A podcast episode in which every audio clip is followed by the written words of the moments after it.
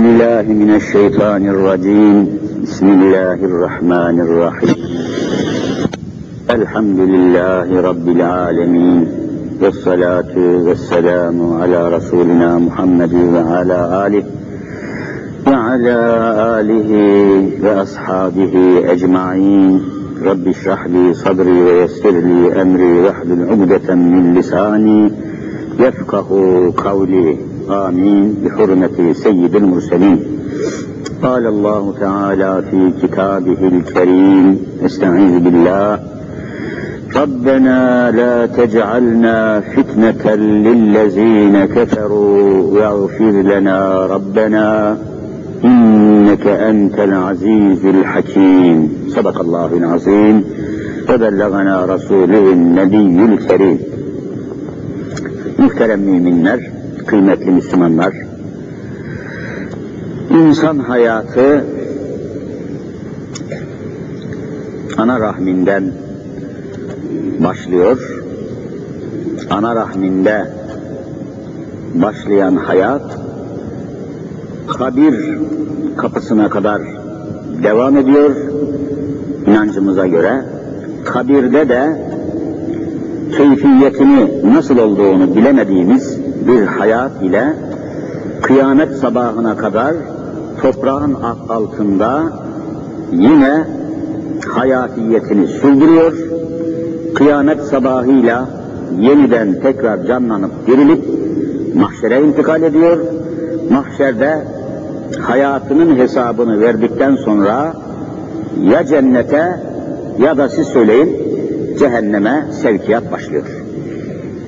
İnsan hayatı dünya ile sınırlı bir hayat değil. Yeryüzünde sayısını ancak Allah'ın bileceği kadar mahlukat var. Onların hayatları kıyamet ile dünyanın hayatının sona ermesiyle beraber o mahlukatın da hayatı siz söyleyin ne olacak? Sona erir ama insanın hayatı sona eriyor mu? Devam ediyor. İşte burayı günümüzün insanına anlatamıyoruz. Yani sanki ölünce hayat bitiyormuş zannediyor. Bitmiyor kardeşim, vallahi bitmiyor. Bitmiyor. Kabir dediğimiz alemin içinde kıyamet sabahına kadar beklemeye alınan bir hayatın içine gireceğiz. Beklemedeyiz. Kıyamet sabahı فَاِذَا بُعْسِرَ مَا فِي الْكُبُورِ وَفُصِّلَ مَا فِي الصُّدُورِ Kubur kabir demek. Feyza bu'sira ma fil kubur kabirlerde olanlar kabir yarılıp içinden çıktığı zaman Cenab-ı Hak söylüyor. Demek ki kabirler açılacak, içindekiler vel ba'su ba'del meyt olayıyla tekrar ortaya çıkacaklar. Tekrar hayata, tekrar sahneye gelecekler ve ondan sonra ruzi ceza dediğimiz yani hayatı dünyeviye dünya hayatında işlediğimiz amellerin, eylemlerin, işlemlerin, davranışların hesabını teker teker teker verdikten sonra muhasebemizin neticesine göre ya cennete ya da cehenneme intikal edilecektir. Bunun, bu imanın mümin olan her insanın aklına, fikrine, kalbine, zihnine, beynine bu inancın oturması lazım. Bugün çektiğimiz sıkıntıların, hırsızlıkların, yolsuzlukların, yanlışlıkların temelinde gönüllere oturmamış olan bu imanın yokluğundan kaynaklanıyor. İnsan haklarının çiğnenmesi, insanlar arasındaki zulümlerin, ölümlerin, cinayetlerin, sapıklıkların temelinde araştırın, bakın, öldükten sonra dirilmeye inanmak dediğimiz hadisenin yokluğu yatıyor. Yok efendim inanmıyor. Öldükten sonra dirilmeye inanmayan, hayatının hesabını vereceğine inanmayan bir müteahhit, yani inşaat müteahhidi, bina inşa eden, köprü inşa eden adamları düşünün. Bu kişi yaptığı işlerin hesabını Allah'a vereceğine inanmıyorsa, o köprünün hesabını yaparken menfaatine göre hesap yapacak ve çalacaktır. Hayatının hesabını vermeyen adam yaptığı işin hakkını çalmıyorsa enayi durumundadır. Çalmanın ve çırpmanın zabıtası imandır. İman olursa çalamaz. İman olursa çarpamaz. İman olursa önüne geleni tepeleyemez. Bir karıncayı haksız yere öldüremez. İman yoksa zaten önüne ne jandarma geçebilir, ne polis teşkilatı geçebilir, ne de hiçbir beşeri tedbir o işin önünü alamaz. Bugün yaşadığımız hayat bunu gösteriyor. Her neyse, hayatımızın akışını sıkı tutmamız lazım. Yani ne yaparsan yap ama yaptığın ve yapacağın işlerin hesabı, faturası bir gün önüne gelecektir. Zaten bunun örneklerini dünyada yaşıyoruz. Dünyamızda bir insan olarak toplum hayatında, şehir hayatında, işte kasabada, köyde neyse yaşadığımız yerlerde yaptığımız birçok şeyin hesabını bizden istiyorlar. Yaktığınız elektriğin hesabını istiyorlar mı istemiyorlar mı? İstiyorlar. Kullandığınız suyun hesabını istiyorlar. Lokantada yediğiniz yemeğin, çorbanın, pilavın hesabını vallahi istiyorlar. Hiç kimse elini kolunu sallaya sallaya bir lokantaya girip çık çıkamıyor. Nereye gidiyorsun? Hatta İstanbul'da tuvaletten dahi elini kolunu sallaya sallaya çıkamıyorsun. Hey hemşerim gel bakayım buraya diyor. Tuvalet ya. Ki Osmanlı döneminde tuvaletlerden para almak yasaktı. Şimdi parasız giremiyorsun. İnsanların temizliğini vesaire ihtiyacını def ettiği yerlerden para almak yasaktı. Para almak akla hayale gelmez. Şimdi parasız tuvalet yok. Hayırlar kesildi. Hayır kanalları kapandı. İnsanların temizliğini yapması, ihtiyacını, elinde olmayan ihtiyacını, zaruri ihtiyaçlarını def edeceği yerleri bile paraya bağladılar, ücrete bağladılar ve belli bir menfaate bağladılar. Her şey menfaate bağlandı. Merhamet kaptı. Şu anda dünyamızda merhamet mi hakim, menfaat mi hakim? Baba ile evladın arasında bile merhamet kaptı, menfaat hakim oldu. Ama Efendimiz ne diyor? İrhamu men fil ard. Ey müminler siz yeryüzündeki insanlara sade insan değil, yeryüzündeki mahlukata merhamet edin ki yerhamküm men fis sema. Gökyüzünde olanlar da size merhamet etsin. Osmanlı'yı inceliyoruz. Öyle vakıflar kurmuşlar ki, vakıf dediğimiz. Üç bine yakın vakıf var. Üç bine yakın vakıf kurulmuş Osmanlı döneminde. Bir tanesi evlenmeye imkanı olmayan, maddi bakımdan evlenemeyecek durumda olan kızlar ve oğlanlar için çeyiz vakıfları kurulmuş. Evlenemeyen gençler için vallahi çeyiz vakıfları. Elimizde belgeler var. Yani babasının anasının evlenmeye, evlendirmeye gücü yetmeyen gençler sapıklığa gitmesin diye, harama gitmesin diye, onun bunun ırzına, namusuna göz dikmesin diye vallahi vakıf kurmuşlar. Binlerce genci Allah adına parasız, parasını onlar ödeyerek evlendirmişler. E şimdi böyle bir şey var mı? Hatta ve hatta Eyüp Sultan'a gidin, Eyüp Sultan'a gidin, orada bir vakfın hala yeri ve mekanı duruyor. Nedir o? Kış geldiği zaman biliyorsunuz leylek dediğimiz kuşlar, leylek dediğimiz hayvanlar soğuk yerlerden nereye giderler? Sıcak ülkelere, bölgelere, beldelere hicret ederler. Leyleklerin hicretidir. Geçerler giderler. Ecdadımız, Osmanlı ecdadımız şu anda örnekleri var. Eyüp Sultan'da da gelip görebilirsiniz. Leylekler sürüler halinde, bölükler halinde giderken bacağı kırılıp da gidemeyen, sürüden ayrılmak zorunda kalıp da bulunduğu yerden geçemeyen sakat leylekler için vallahi vakıf kurmuşlar. Ve onları koruyacak, kollayacak, besleyecek, kırığını çıkığını tedavi ettirecek vakıflar kurarak leyleklere bile merhamet vakıfları kurmuşlar. Şu anda gidip yerini görebilirsiniz. E böyle olunca da Cenab-ı Hak da bu devlete, bu millete 650 sene üç kıtada hakimiyet dediğimiz o kudreti vermiş mi vermemiş mi? Üç kıtada Afrika'ya, Asya'ya ve Avrupa'ya 650 sene ecdadımız hükmetmişler. Adaletle muamele etmişler. Bakın Osmanlı'nın çıktığı topraklara bakın, o günden bugüne kan gövdeyi götürmektedir. İşte Yugoslavya. Balkanlar diyorlar. Yani sadece Yugoslavya değil, Bulgaristan, Yugoslavya, Sırbistan, Kosova, Osmanlılar 550 sene kalmış orada. Ve bir kişinin burnu kanamamış. Osmanlı çekildikten sonra Balkanlardan bir gün bile kan akması durmamış.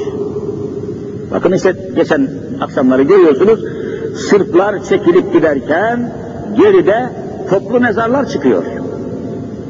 Dün akşam göster 175 tane ölü topraktan çıktı. Adam traktörle ölü dökmüş çukurlara.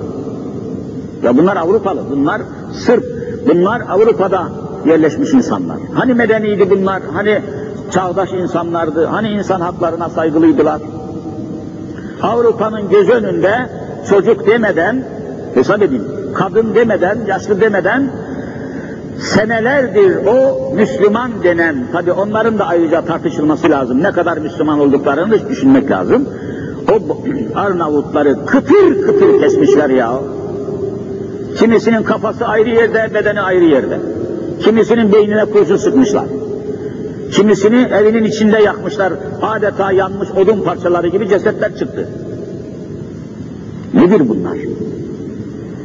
Filistin topraklarında 450 sene Osmanlılar oraları yönettiler bak. Osmanlı gitti, hala Filistin'de kan duruyor mu durmuyor mu? Vallahi durmuyor. Her taraf böyle. Kafkasya'ya bakın. İşte Çeçenistanlar, şunlar bunlar, Osmanlıların hakimiyeti döneminde bir kişinin burnunun kanadığını söyleyemezsiniz. Ama şimdi bakın, 70 yıllık bir komünist diktatörlükten sonra şimdi de yine kan gövdeyi getiriyor. Bunun sebebi nedir? İşte mümin olmanın icabı, yeryüzündeki mahlukata, mesela çeşme yapmak, ağaç dikmek, mahlukata merhamet midir değil midir? Eskiden bir ağaç dikeyin de kurtlar, kuşlar yesin derlerdi ya. Bugün bunların hiçbirisi kalmadı. Hiçbir hayır kalmadı. Nefes alacağımız damarlar kalmadı. Toplum sıkıştığı zaman evvelce işte bir takım yardımseverlerin, vakıfların, derneklerin, cemaatlerin, cemiyetlerin kanallarıyla nefes alırdı. Bütün bu nefes alma damarları tıkandı. Toplum boğuluyor. Toplum adeta birbirinin boğazına sarılacak hale geldi. Merhamet edilmiyor. Memurlar ayrı sürünüyor, can emniyeti korunamıyor, mal emniyeti korunamıyor. Enflasyon olan bir memlekette mal emniyetinden bahsedemezsiniz. Hani benim malım korunuyor diyemezsiniz. Niye? Akşamleyin bir milyon lirayla yatarsınız, sabahleyin 600 bin lirayla kalkarsınız. O 400 bin lirayı kim aldı? Hani malınız korunuyor mu? Halbuki devletlerin vazifesi idare ettikleri milletlerin malını ve canını koruma altına almaktır. Alamıyor, alamıyorsunuz. Alamıyorsunuz. Ondan sonra evinizi dahi kiraya verirken Amerikan dolarına ayarlıyorsunuz. Dolar karşılığı şu anda gidin efendim Altunizade'de Türk parasıyla ev kiralamak imkan dahilinde değildir. Geçen bir arkadaş için birkaç yer arandı. Nereye giderseniz gidin dolarla veriyorum kardeşim diyor. Ben Türk parasını kabul etmem diyor. Bir millet bu hale gelir mi ya? Ondan sonra da vay Amerikan vatandaşıymış diye bazıları bazıları saldırıyor. E sen Amerikan vatandaşı değil misin? Dolarla evini kiraya veriyorsun. Senin ne farkın var? Yani Amerikan vatandaşlığı doların hakimiyeti ise sana da hakim, bana da hakim, buna da hakim. Niye birine kızıyorsun, öbürüne kızmıyorsun? Korkunç şekilde toplumda manevi dinamikler çöküyor.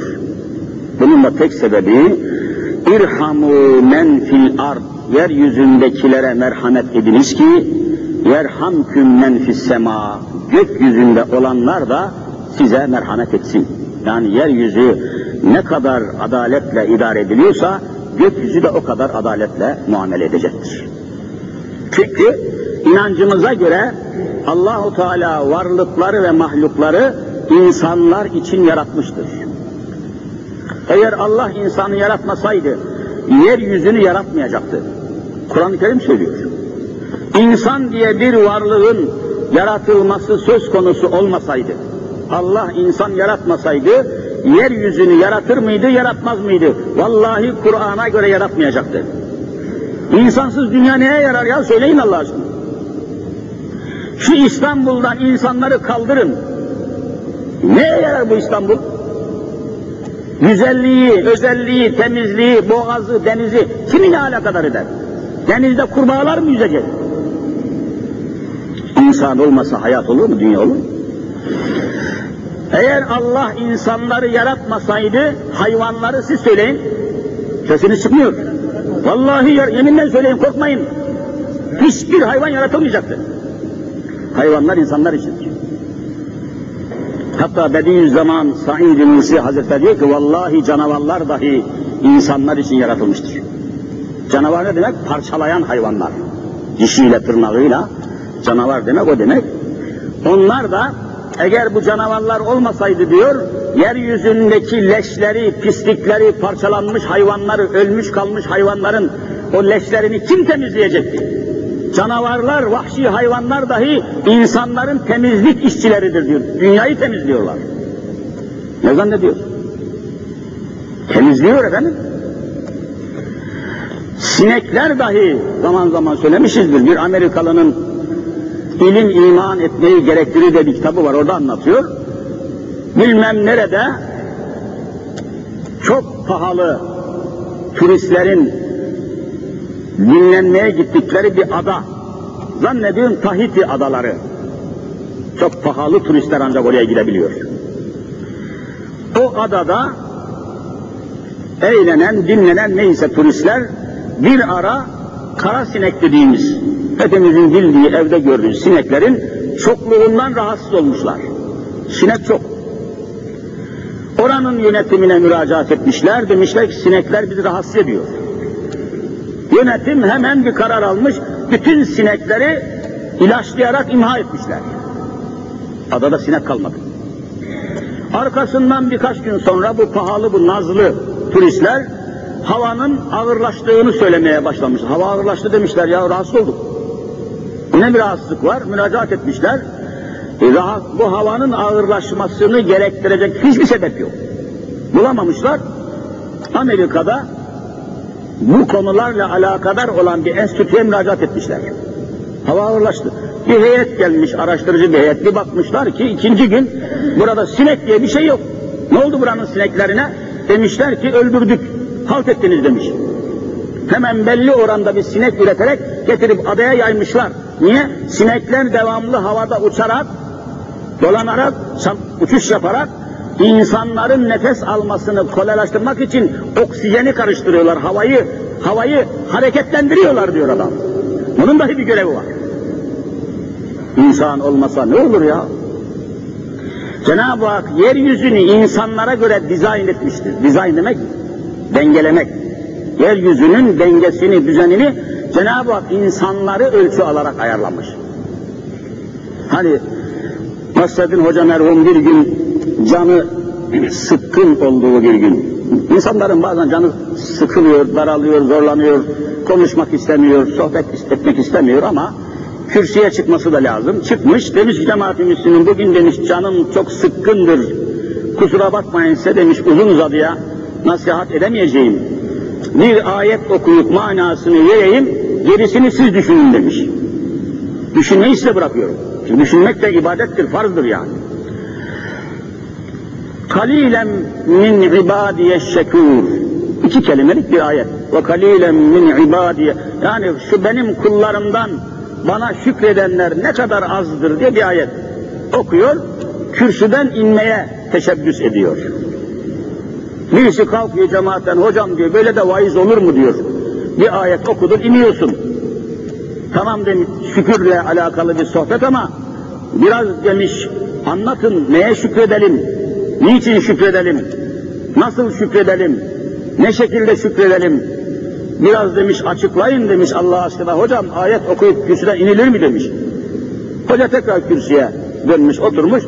Demiş ki ya Rabbi sen ayet-i ilahiyede ve kalilen min ibadiye şekur dedin. Benim kullarımdan şükredenler ne kadar az dedin. Ben de diyorum senin kullarından düşünenler ne kadar az. Düşünen yok ya. Kimse beynini çalıştırmıyor. Yine kardeşlerim demiş, hiçbir şey yoksa şükretmeye, hiçbir şey yoksa şuna şükredin ki Allah sinekleri inek büyüklüğünde yaratmadı. Bak sinek, bir sineği düşün, o sinekleri inek büyüklüğünde yaratmamış olmasına şükredin. Yine birisi kalkmış demiş ki hocam sinekler inek büyüklüğünde yaratılsaydı ne olurdu? Adam düşünemiyor. Ya Rabbi ne ahmak insanlar var demiş. Bire yavrum demiş. iki tane sinek çatına konar çatın çökerdi. Hayvan demiş. Şükretsene ya. Hiçbir şükredecek bir şey yok. İki tane inek büyüklüğüne sinek bir adamın damına, çatısına konarsa ne olur? Bitti işin senin. Bu da gösteriyor Cenab-ı Hak alemi, dünyayı, eşyayı, maddeyi, hayvanatı insanlara göre tanzim ve tertip söyleyin etmiştir. İnsan olmasa inek ne alakası var? Hayvanlar görüyorsunuz insanlara göre hareketlerini düzenliyorlar. Binlerce hayvan yaylada, tarlada, merada beraber otlarken ne kavga var, ne çatışma var, ne boğuşma var. Ama akşam yayladan, tarladan, meradan köye indiği zaman, kasabaya indiği zaman o hayvanların sahipleri gidip teker teker hayvanlarını seçmek zorunda kalıyor mu kalmıyor mu? Her hayvan seçilip ayrılıp sahibinin evini tanıyor mu tanımıyor mu? Ha siz söyleyin. İnsana göredir. Binlerce hayvan beraber otluyor ama akşam köye geldiği zaman sahipleri kimse bu hayvanların gelip teker teker seçmeye lüzum kalmıyor. Hayvanlar sahibini tanıyor. Evinin yolunu biliyor, ahırını biliyor, ağılını biliyor, yuvasını biliyor, sahibini biliyor. Şu okunan ezanları kulak ardı edip de sokakta dolaşan şu namazsız, niyazsız, cumasız, cemaatsiz, secdesiz, seccadesiz adamların bu hayvandan ne farkı var? Belki daha kötü. Görüyorsunuz işte. Yolunu, Rabbini, sahibini, Mevlasını, razıkını bilemiyor. Yönlenemiyor. Ne hale geldi toplum? Hatta hepiniz köylüsünüz, bilirsiniz. Köylerde süt veren hayvanlar, akşamlar onların sütleri alınır, sütleri sağılır. Tanımadığı bir kadın o süt veren hayvanın memelerine yaklaştığı zaman sütünü çeker, o tanımadığı kimse sütünü vermezdi. Ben çocukken hatırlıyorum. Her akşam o hayvanı seven, sulayan, yemleyen, sütünü alan kadın geldi mi şakır şakır sütü siz söyleyin vermeye başlıyor. Tanıyor görüyor musunuz? Şu insanların haline bak. Yani hayvan hayvanken insana göre memesini, sütünü, suyunu, halini, etini, derisini insana göre tanzim ediyor. Cenab-ı öyle yaratmıştır. Hayvan bunun dışına çıkamaz. Hatta bir Japon ilim adamının bir araştırmasını okudum. Diyor ki orada süt ürünleriyle alakalı bir ilim adamı. Süt ürünleriyle çalışan ve araştıran, inceleyen bir profesör Japon. Diyor ki iki sürü üzerinde inceleme yaptım. Sürü, iki tane sürü. Sayıları aynı. O da 300 koyun, o da 300 koyun. Hani birisi A sürüsü, öbürü B sürüsü diyelim. Koyunların cinsi aynı. Sayısı da aynı. Otlakları da aynı, meraları vesaire aynı. Ama sürülerden birinin öbürüne göre sütü daha fazla. Cinsi aynı, sayısı aynı, içtikleri su aynı, otladıkları otlar, saplar, samanlar aynı ama sürünün birisi öbürüne göre siz söyleyin fazla süt veriyor. Japon ilim adamı şaşırıyor. Bu fark nereden geliyor? Enteresan. Fark nereden geliyor de merakla, dikkatle inceliyor. Otlardan olmadığı, yediklerinden değil, içtiklerinden değil, sayıları fazla değil, cinsleri de aynı. Bu fark bir de bakıyor ki o çok süt veren sürünün başında ki tabi onda da çobanlar da var. Onda da çoban, onda da çoban.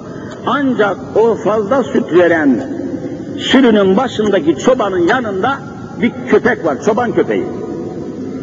Çoban köpeği. O köpek çobanın yanında bulunduğu sürece o hayvanlar kendilerini emniyette hissediyorlar. O köpek başı, başlarında köpek bulunan sürü 300 koyun başımıza bir bela gelirse kurt murt olursa bu köpek bizi çobanla beraber daha mükemmel korur şeklinde bir duygu ile, düşünceyle, güvenlik hissiyle hareket ediyorlar ve memeleden sütü daha rahatlıkla gevşeterek sütü verdiği için süt fazla olur. Öbüründe köpek yok, çoban köpeği yok, o sürünün sütü öbüründen az oluyor. Başındaki çobana ve çobanın yanındaki köpeğe bile bakın hayvanlar hassasiyetle bakıyorlar. Güvendiği zaman sütünü çok veriyor. Güvenemiyorsa sütünü vermiyor. Bunlar yeryüzündeki nizamı ilahiyi gösteren hadiselerdir. Geçen ay mesela Almanya'daydım. Bizi bir konferansa götüren, arabasıyla götüren dişçi kardeşimiz çocuğunun rahatsız olduğu cep telefonuyla kendisine haber verin. Çocuk rahatsızlanmış. Baktım bizde olsa telaşlanırız. Eyvah çocuk hastalandı. Hiç telaşlanmadı. Hemen sosyal kartının numarasını cep telefonuyla numarayı tık tık tık tık çevirdi. Haber verdi mesele bitti. Hemen ambulans gelmiş. Çocuğu almış götürmüş. Filmlerini çekmiş. idrar tahlili yapmış. Kan tahlili yapmış. Tedavisi yaptırmış. Vallahi getirip evine teslim etmiş. Biz gidiyoruz hiç. Alakadar olmadık yani. Sosyal devlet. Hastalandığı zaman eyvah ben ne olacağım diye vallahi Avrupa'da hiçbir endişe kalmamış. E bizde dün akşam gördünüz 6 saat sedyede bekleyip ölen adamı duydunuz mu? 6 saat bekletmişler. Doktor efendim burun kanaması teşhisi koymuş. Sonra bakmışlar ciğerinden kan geliyor. 6 saat sedyede bekleye bekleye bekleye adam öldü gitti ya. Dünyada insan hayatının bu kadar ucuz olduğu ülke kalmadı Türkiye'deki kadar. İnsan hayatı tavuktan ucuz oldu. Hani insan?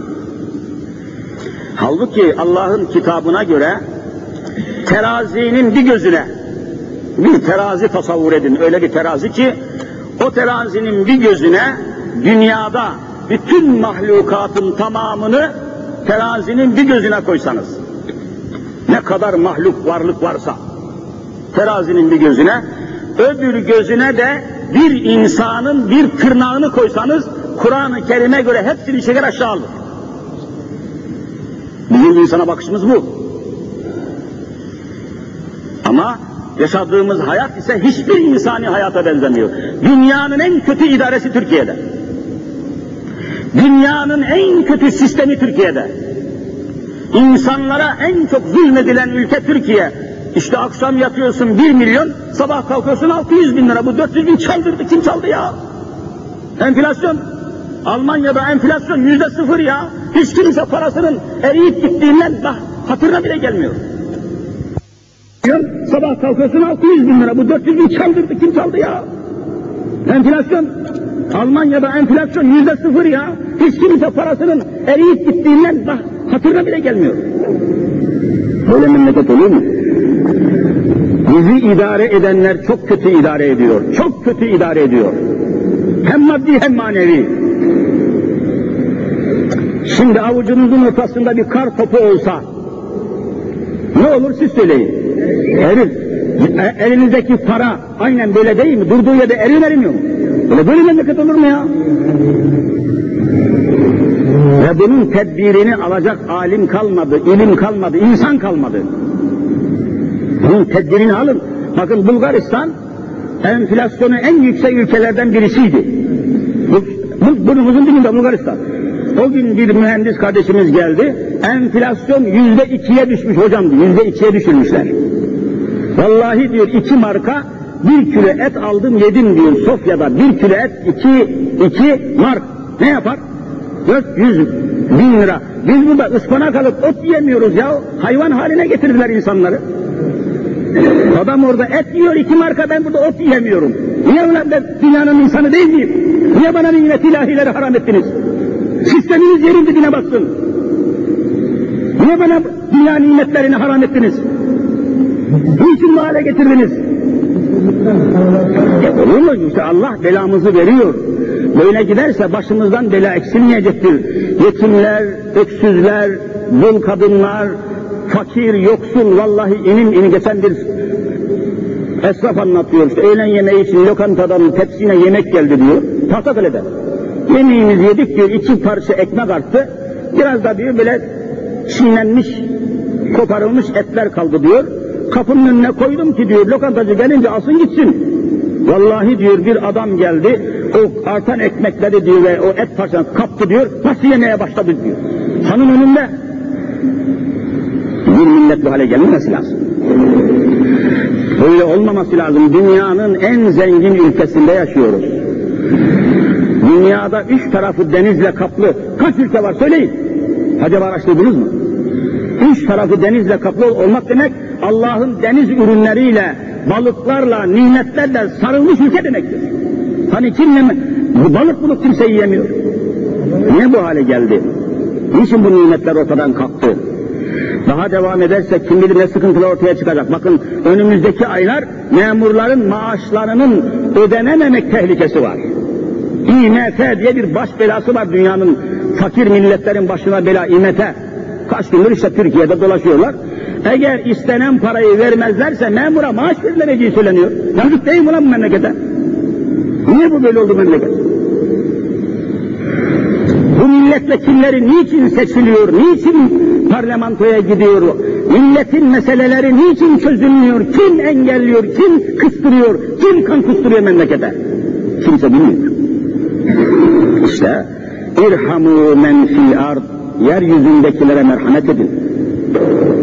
Ki yerhamküm men fis sema, gökyüzünde olanlar da yani üstümüzde olan güçler de bize yardım etsin, merhamet etsin deniyor. Bakın biz dua ederken elimizi nereye kaldırıyoruz? Yukarıya.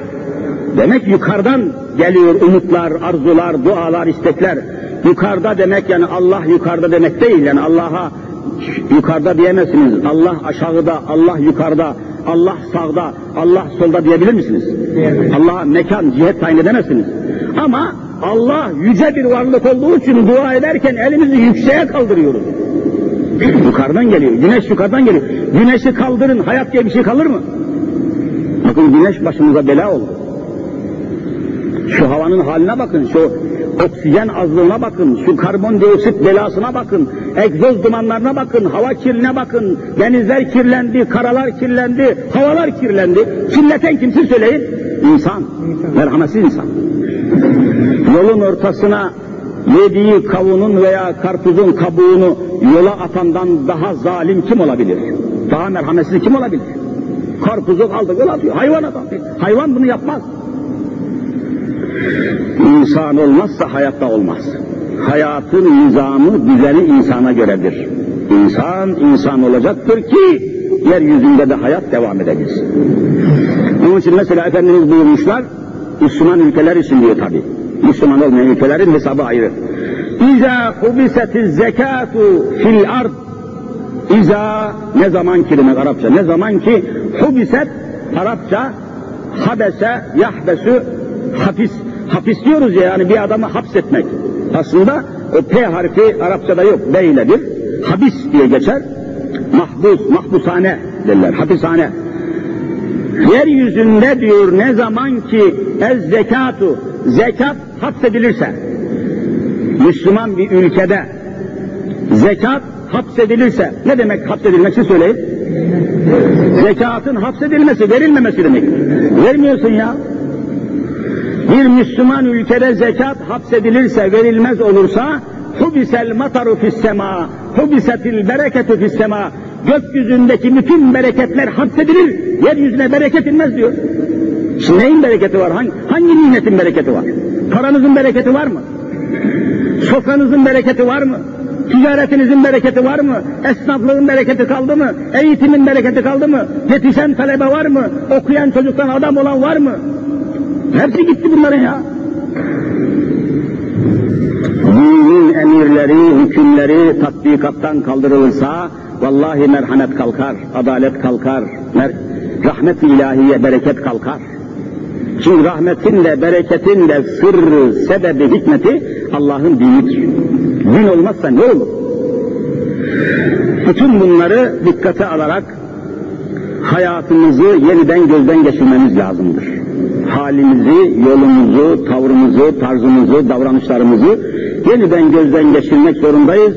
Yoksa olaylar, eylemler, terörler, anarşiler yavaş geçen dersledim ki komisere soruyoruz komiser bey mahkeme karakol komiserine veya karakol amirine yedi günlük bir hafta içinde hafta malum yedi günden ibaret.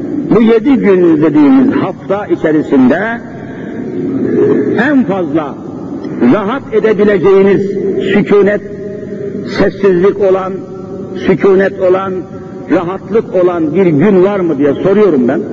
Diyor ki hocam cuma günü geldi mi biraz nefes alıyoruz diyor. Cuma cuma bakın. Cumanın dışında diyor karakollarımız çatlıyor. Ne var cuma günü siz söyleyin. Ya cuma namazı var ya ne olsun daha ne olsun kardeşim ya. Bak abdest alıyorsun cumaya gelmek için. Abdest aldığın zaman o Allah'ın yarattığı su ile temasa geçince vücudundaki bütün o sinirler yavaşlıyor, yumuşuyor, su ile temasa geçiyorsun. Namaz kılmayan adam mı daha çok su ile temasa geçer, namaz kılan adam mı? Nasıl söyleyin? Namaz kılan adam abdest alacak, abdest alan adam su ile temasa geçecek. Su ile temas rahmettir. Sinirler yatışıyor. Asabiyet yumuşuyor. İnsanlar merhametleşiyor, birbirine yaklaşıyor. Camide insanlar bir araya geliyor, vaaz nasihat bak. Bir cumanın bereketine bakın ki karakollarımız cuma günü nefes alıyor, nefes. Allah'tan korkar bir adam. Allah Allah'ın dininin önü kesilir mi ya? Dinin önü kesilir kesildikçe sen iflahın kesiliyor. İflah kesiliyor. Asayiş ortadan kayboluyor. Sükunet bozuluyor. Kimsenin kimseye, kimseye itimadı, itibarı kalmıyor. Apartman hayatı insan hayatı olmaktan çıktı. Bakıyorsun üçüncü katta cenaze var, dördüncü katta çocuklar dans ediyor. Merhamet yok ya. Ha şurada cenaze sahibi olan şu daireye hiçbir hürmetiniz yok. Dinden uzaklaştıkça, ahlaktan uzaklaştıkça, Kur'an'dan uzak, şu kitaptan uzaklaştıkça vallahi insanlıktan da uzaklaşıyoruz. Saygı, sevgi diye bir şey kalmamıştır. Hiçbir yerde. Ben anlatmışımdır bir seferinde belediye otobüsünde Taksim'den bindim. Edirne kapıda Fatih'te ineceğim. İki tane ortaokul talebesi belli okuldan çıkmışlar. Oturmuşlar koltuğa, başlarına geldim dikildim. Hani istiyorum ki ben onlardan yaşlıyım. Bir tanesi kalksın da oturayım yani. Vallahi kalkmadılar. Yaşlı bir kadın daha bindi, o da benim yanıma geldi, o iki talebe oturuyor. Yine kalkmadılar. Dönüp bile. Dedim ki yavrum siz hangi okula devam ediyorsunuz? Başladı konuşmaya yani gayet yumuşak şekilde. Otobüsler o kadar kalabalık değil bizi dinliyorlar. Dediler işte falan ortaokula devam ediyoruz. Peki ortaokula gitmeden evvel nereyi bitirdiniz? Dediler ki ilkokulu bitirdik. Konuşuyoruz. İlkokul kaç sene dedim? Beş sene dediler. Şimdi sekize çıktı. Peki okula gittiğiniz zaman sabahleyin sınıflara alınmadan önce ne yapıyorsun dediler okulun bahçesinde toplanıyoruz. Ne tören yapıyorsunuz sınıflara girmeden önce. Arkasından ne yapıyorsun dediler ki ant içiyoruz bir ant var hani Türk'üm, doğruyum, çalışkanım, yasam küçüklerimi korumak, siz devam edin, büyüklerimi saymak her sabah. İlkokulun bahçesinde bunu beş sene ya az da değil be beş sene ya. Allah'tan korkarım bak. Papağan gibi söyletiyorlar. Türk'üm, doğruyum, çalışkanım. Küçüklerimi korumak, büyüklerimi saymak. Bunu dedim her sabah size öğrettiler mi? Evet dedi talebenin birisi. Bize bu, niye ulan işte bak büyüklerini saymıyorsun bile kerata. Bak başındayım bekliyorum ayağa kalkmıyorsun. Hiç öğrenememişsin sen. Milli eğitim sistemi iflas etmiş. Beş sene küçüklerini korumak, büyüklerini saymak diye söyletmişler. Başında dedesi yaşında adam bekliyor, büyüklerini saymak diye bir şey yok, ayağa kalkmıyor. Buyur otur demiyor, hayvan nesin? Hani, hani eğitim? Ne öğretiyorsunuz siz bu eğitimden ya? Beş sene büyüklerini saymak dedin dedin, hani saymıyor? Hani kardeşim? Lafının eğitim olur mu? İman yok dediğim, Kur'an yok. Milli eğitimde Kur'an yok. Kur'ansız eğitimde küçükler korunamaz, büyüklere saygı gösterilmez. Mümkün değildir, menfaat hakimdir. Bunları anlatamıyoruz insanlara. Bunları bakanlara, başkanlara, müsteşarlara anlatmak lazım. Bakın emniyet teşkilatının haline. Kulak, tele kulak, o onu dinliyor, o onun mahremiyetini çalıyor, telefonları dinleniyor, aman ya Rabbi şantaj yapıyor, bak söylerim ha, haber veririm ha, düşmanca, haince, kafirce. Böyle memleket olur mu ya? Canımızı malımızı kim koruyacak? Nesillerimizi kim koruyacak? İnançlarımızı kim koruyacak? Bakıyorsunuz medyaya, gazetelere, televizyonlara devamlı olarak açık saçıklık yayılıyor, yayılıyor, yayılıyor. Din namına bir şey yok. Belki takip edenleriniz vardır diye söylüyorum. Hani kanaldan kanala taşınan yerli bir dizi var. Yerli bir dizi. Haşa adı da Bizimkiler. Duydunuz mu duymadınız mı? Bizimkiler bir dizi var. Kapıcı var bir tane sahtekar, iki yüzlü değil, beş yüz yüzlü. Vay namussuz adamlar ya, böyle böyle iki yüz adam mı olur? Yalancı, dolancı, dümenci, dolapçı adamlar. Yönetici, efendim katil, horozcu, moroz biliyorsunuz. E bakın Allah aşkına bu diziyi senelerdir seyredenlere soruyorum. Hiçbir gün bu diziyi çekenler, çevirenler, bu oyunu oynayanlar, bu aktörler bu dizi içinde hiçbir gün camiyi gösterdi mi göstermedi mi? Vallahi göstermemiştir. Ne kilise var o dizide, ne cami var, ne namaz var, ne Allah var, ne kitap var. Türkiye'de bu dizi yayılıyor. Dinsiz bir hareket. Seccade gördünüz mü o dizide? Hiç secde eden rastladınız mı? Hiç yemek duası yapan rastladınız mı? Alkol, alkol, alkol. Pencereden şarap şişeleri sarkıtıyorlar. Böyle memleket olur mu ya? Böyle cemiyet olur mu? Allah aşkına soruyorum size.